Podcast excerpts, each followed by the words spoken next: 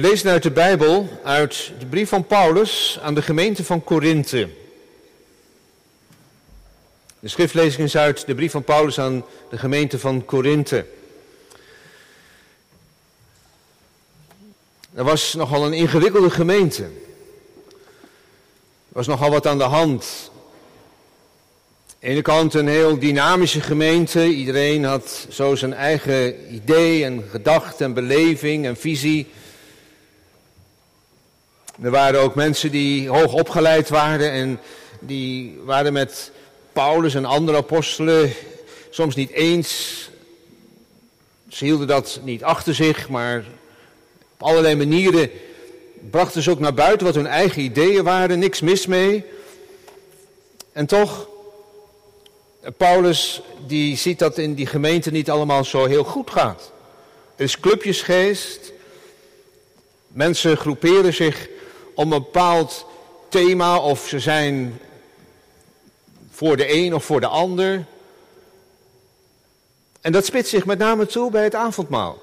Als hij merkt dat er in de gemeente niet die eenheid en die liefde is. We gaan dat nu lezen uit 1 Korinthe 11. En lezen vanaf vers 17. Dan schrijft Paulus aan de gemeente van Korinthe. Maar in wat ik nu beveel, prijs ik u niet, omdat u, wanneer u samenkomt, er niet beter, maar slechter van wordt. Want ten eerste hoor ik dat er, als u samenkomt, in de gemeente verdeeldheid onder u is. En ten dele geloof ik dat. Want er moeten ook afwijkingen in de leer onder u zijn, opdat wie beproefd blijken te zijn, in uw midden openbaar komen. Zoals u nu bij elkaar samenkomt, is dat niet het eten van het avondmaal van de Heer. Want bij het eten gebruikt iedereen van tevoren al zijn eigen avondmaal. En dan heeft de een honger, terwijl de ander dronken is. Hebt u dan geen huizen om er te eten en te drinken?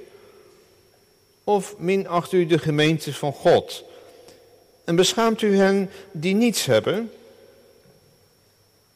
Wat moet ik nu tegen u zeggen? Zal ik u hierin prijzen? Ik prijs u niet. Want ik heb van de Heere ontvangen, wat ik u ook overgeleverd heb, dat, in, dat de Heer Jezus in de nacht waarin hij verraden werd, brood nam. En nadat hij gedankt had, brak hij het en zei, neem, eet, dit is mijn lichaam dat voor u gebroken wordt. Doe dat tot mijn gedachtenis. Evenzo nam hij ook de drinkbeker na het gebruiken van de maaltijd en zei: Deze drinkbeker is het Nieuwe Testament in mijn bloed. Doe dat zo dikwijls als u die drinkt tot mijn gedachtenis.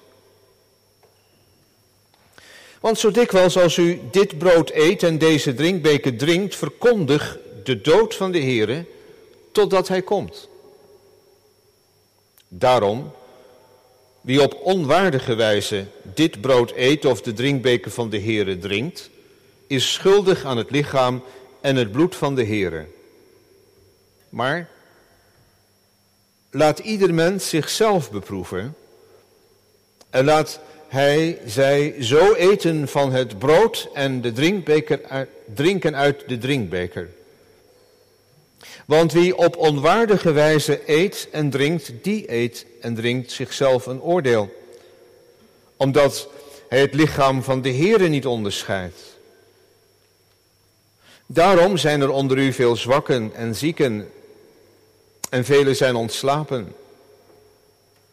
Want als wij onszelf zouden beoordelen, zouden wij niet geoordeeld worden.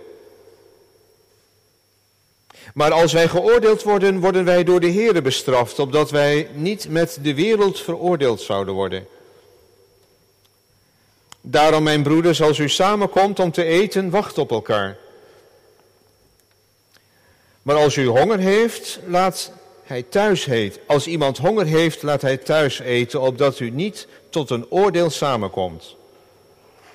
Wat betreft de overige zaken zal ik opdracht geven wanneer ik kom. Tot zover de lezing uit het woord van God. Zalig die het woord van God hoort en dat ook ontvangt en daaruit leeft en daarna leeft. Waar liefde woont, dat is het uh, thema. Gemeente van onze Heer Jezus Christus, hier thuis of waar u ook bent en jij, waar liefde woont. In de keuken zijn de laatste voorbereidingen voor de maaltijd. Maar boven de trap roept iemand: Is het eten al klaar? Ik moet zo weg. Kan ik niet vooruit eten? Nou, je snapt het wel. Dat wordt uh, geen gezellige maaltijd. Onder druk. Eten, vooruit eten. Weer snel weg moeten. Je hebt je huiswerk net klaar. Of, nou ja. Maar je moet weer trainen. Ja, dan komt straks ook de categorisatie er weer bij. Het moet allemaal toch wel gebeuren. Samen eten. Samen iets beleven van de band met elkaar in het gezin. Hoe lastig kan dat zijn? Misschien om even dat uh, nu ook uh, heel klein te maken, een, iets een klein beetje creativiteit in het gezin te ontwikkelen van dat je op zijn minst toch één keer per week met elkaar eet. Hè? Dat zou toch mooi zijn. En even ook echt goed met elkaar samen bent. Dat uh, bedoel ik niet moraliserend natuurlijk, want ik heb daar zelf uh, ook genoeg moeite mee gehad altijd. En uh, soms is het nog wel eens een keer wat. Maar je snapt wel wat ik bedoel. Gewoon er even op focussen. Even over hebben. Als dat niet gebeurt. Want je raakt elkaar zomaar kwijt. Toch? Paulus heeft er ook zorg over. Dat mensen elkaar kwijtraken. En dan niet zozeer in eerste plaats in het gezin, maar in de gemeente. Het gaat hier over het samen eten als gemeente. Hoe mooi kan dat ook zijn om met elkaar de maaltijd te hebben. Ik las van uh, Rotterdam in Spangen dat de wijkmaaltijden georganiseerd werd. En er is zomaar een gemeente uit ontstaan. Nou, daar ga ik nou niet verder uitwerken natuurlijk. Maar ook dat zijn dingen die, die nog best een aandacht kunnen hebben. Samen eten in de gemeente. Gewoon een wijkmaaltijd. Maar en dat is even de achtergrond van die brief van Korinthe. In die tijd werd elke zondag een gemeentemaaltijd gehouden. Wordt ook wel gezegd de akapelmaaltijd. Maar goed, akapel, woord liefde. Maar dat uh, was niet altijd zoals het uh, zou moeten. Tenminste in Korinthe schuurde dat nogal. Waar schuurde dat dan? Nou, dat men wel samenkwam om te eten, maar Ieder deed daar maar wat aan die maaltijd. Het was de gewoonte dat dan de een bracht wat en de ander nam wat mee, eten, drinken. Maar in die gemeente had je wel gestelden die niet hoefden te werken op de eerste dag van de week. Maar je had ook uh, slaven, zeg maar. Je had ook mensen in dienst waren bij die welgestelden. En die moesten toch hun werk eerst afmaken. En die hadden niet de gelegenheid om al meteen bij het begin van die maaltijd aanwezig te zijn. En wat gebeurt er dan? Nou, die mensen die het al uh, goed kunnen doen en zo, die, die toch al goed hebben, die gaan samen met elkaar beginnen te eten. En nou, dan moet je niet schrikken. De wijn die ze mee hadden gebracht, daar, uh,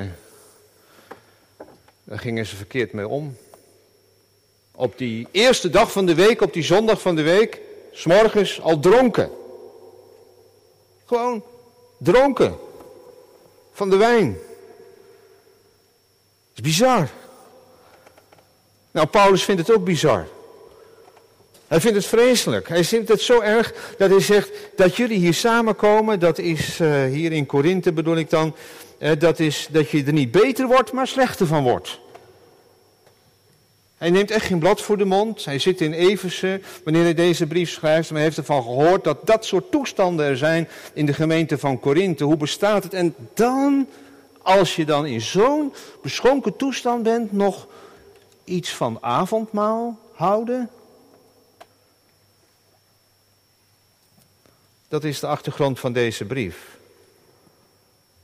We hopen daar volgende week, als God ons leven geeft, nog iets meer over te zeggen. Als Paulus dan teruggaat naar de oorsprong van die maaltijd van de Here.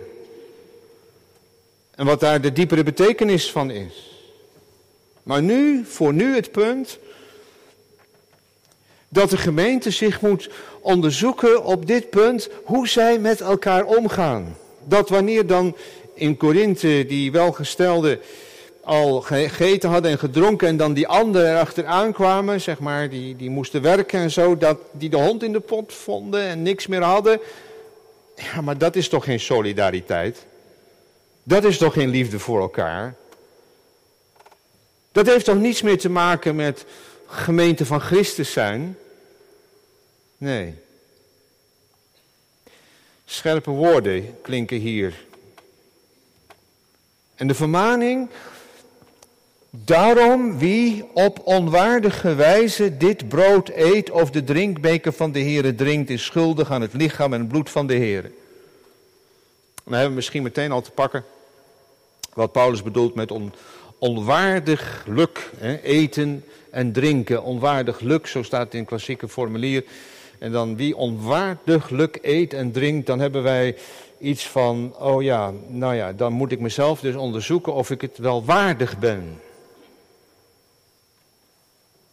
En er is ook vanuit bepaalde tradities dan heel veel strijd en, en er worden heel veel dingen naar onszelf toegevraagd van ben ik het wel waardig? Maar dat zegt Paulus hier niet, want uiteindelijk is niemand het waardig. Maar of wij waardig lukt, dat betekent op een onwaardige wijze. En wat is die onwaardige wijze? Nou, dat je het avondmaal viert terwijl er niets is van die solidariteit. Niets is van dat, hij noemt het aan het eind, het wachten op elkaar. Het zien van elkaar, het oog hebben voor elkaar. Het aandacht hebben voor elkaar, het denken voor die ander. Hoe is het met die ander? En is dit wel goed wat ik nu doe? Als ik het alleen voor mezelf houd? Als mij het maar goed gaat, als ik maar het geestelijk goed heb?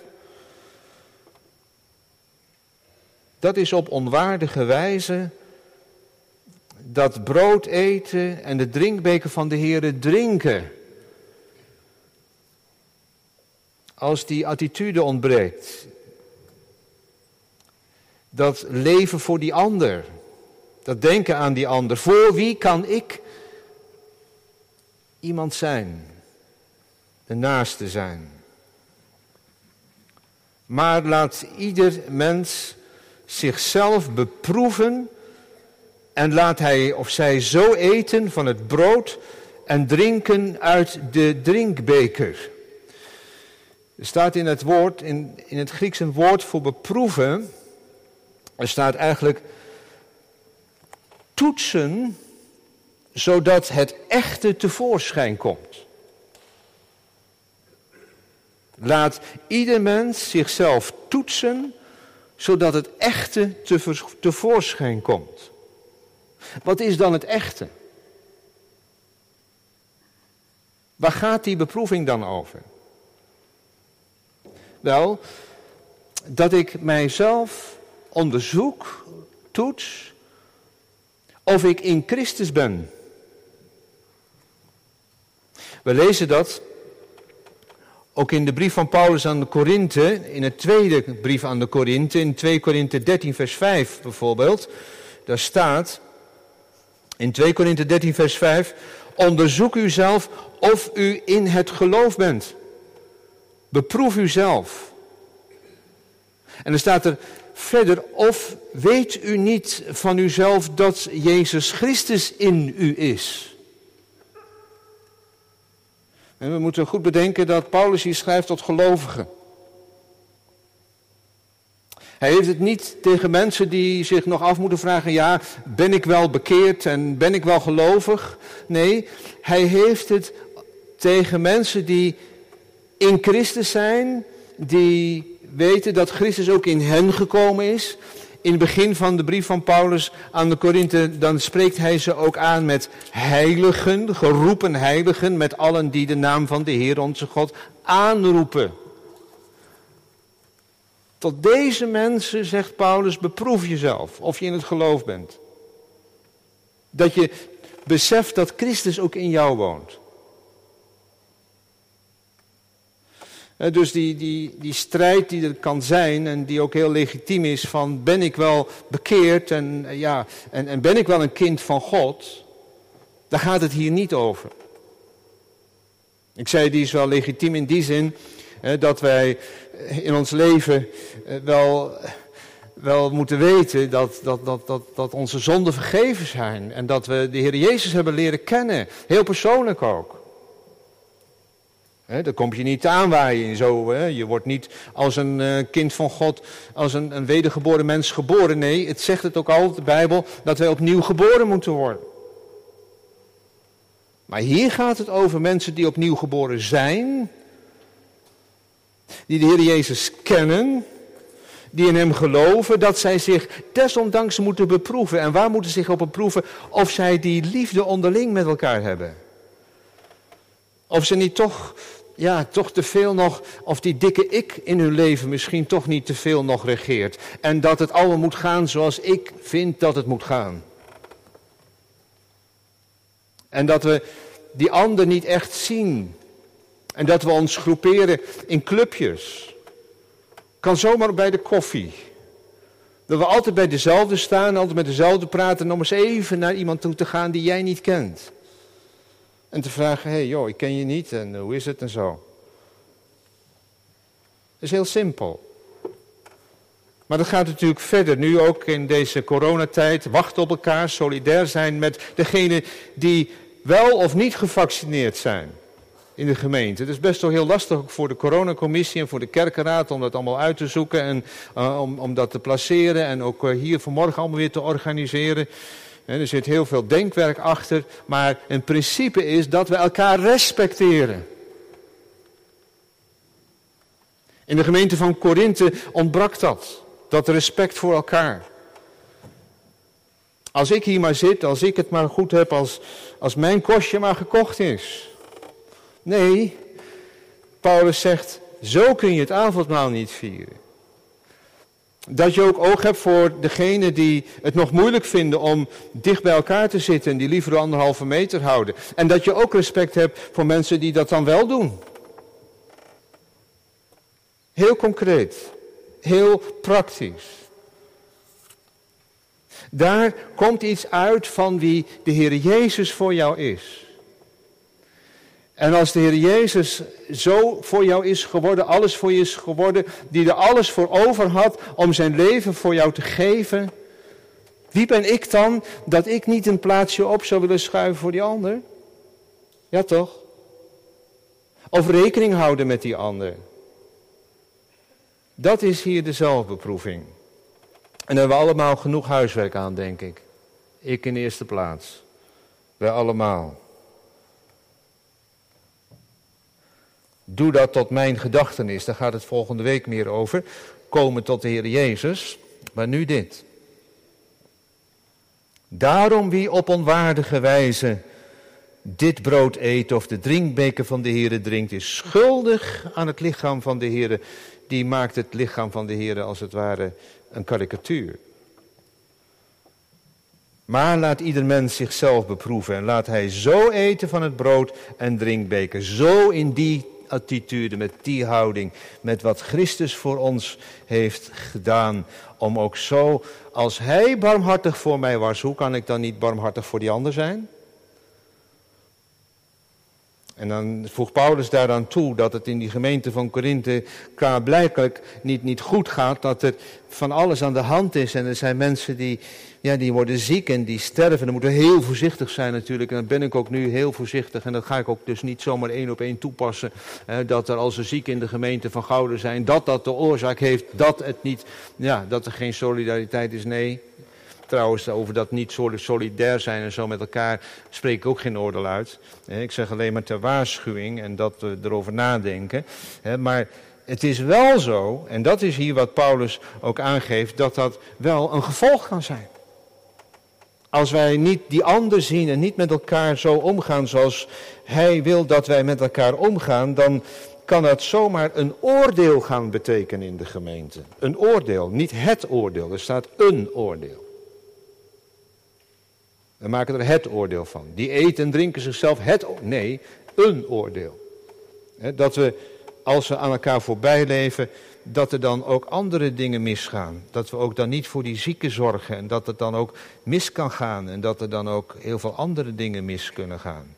En wat dan uiteindelijk, en dat is dan in vers 31, want als wij onszelf zouden beoordelen, dat betekent eigenlijk als we iets meer kritisch zouden kijken naar onszelf, nou, dan is het niet meer nodig dat we geoordeeld worden. Maar doen we dat niet?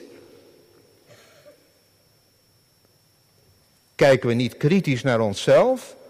Ja, dan kan het maar zo zijn dat de Heer ons bestraft. En dat we met de wereld geoordeeld worden. Daarom, mijn broeders en zusters, als u samenkomt om te eten, wacht op elkaar. Is het eten al klaar? Zo begon ik te preken. Waar liefde woont, daar gebiedt de Heer de zegen. De zegen. Is het eten al klaar? Ja. Helemaal. De tafel is gedekt. Het is volbracht. En daar zie ik hem. En dan zie ik die handen. En dan zie ik dat brood. En daar denk ik deze week aan. Oh ja, ik weet wel.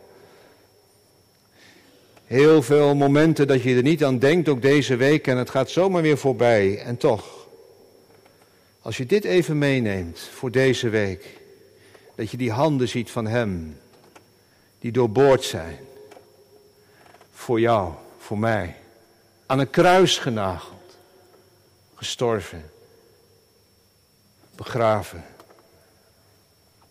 Jezus. Ben ik het waard? Nee. Ik heb gezondigd. En ik moet die zonde beleiden. Maar dan zie ik Hem. Heilige Geest, laat mij meer de ogen slaan op Jezus. En Hem alleen zien. Hij ook voor mij. Zo ga ik met vrijmoedigheid. Niet die ik heb in mijzelf. Maar met de geschonken vrijmoedigheid. Dat hij zegt, kom tot mij. De week in. De week door. En verlang ik ernaar. Eigenlijk is dat ook iets uh, wat we een beetje. Ja, ik zeg het maar toch wel een beetje verloren zijn. Elke zondagavond vieren. Hè? Katholiek. Ik heb het niet over Rooms-Katholiek. In Korinthe werd elke zondag het avondmaal gevierd. Elke zondag. Daar gaan we nu geen, geen, thuis geen discussies over houden en zo. Maar ik bedoel maar iets van verlangen. Om elke zondag weer dat uitgedeeld te krijgen. Wat Hij voor ons heeft gedaan. Ik voor u dat je anders de eeuwige dood zou moeten sterven. Wij mogen het volgende week zondag, als God ons het leven geeft, dan ook weer lijfelijk ontvangen, fysiek. En thuis, als je niet kunt komen, ook daarin meeleven en meebidden en, en meebeleven. Het eten is klaar. Het is volbracht. Ook voor u. Amen.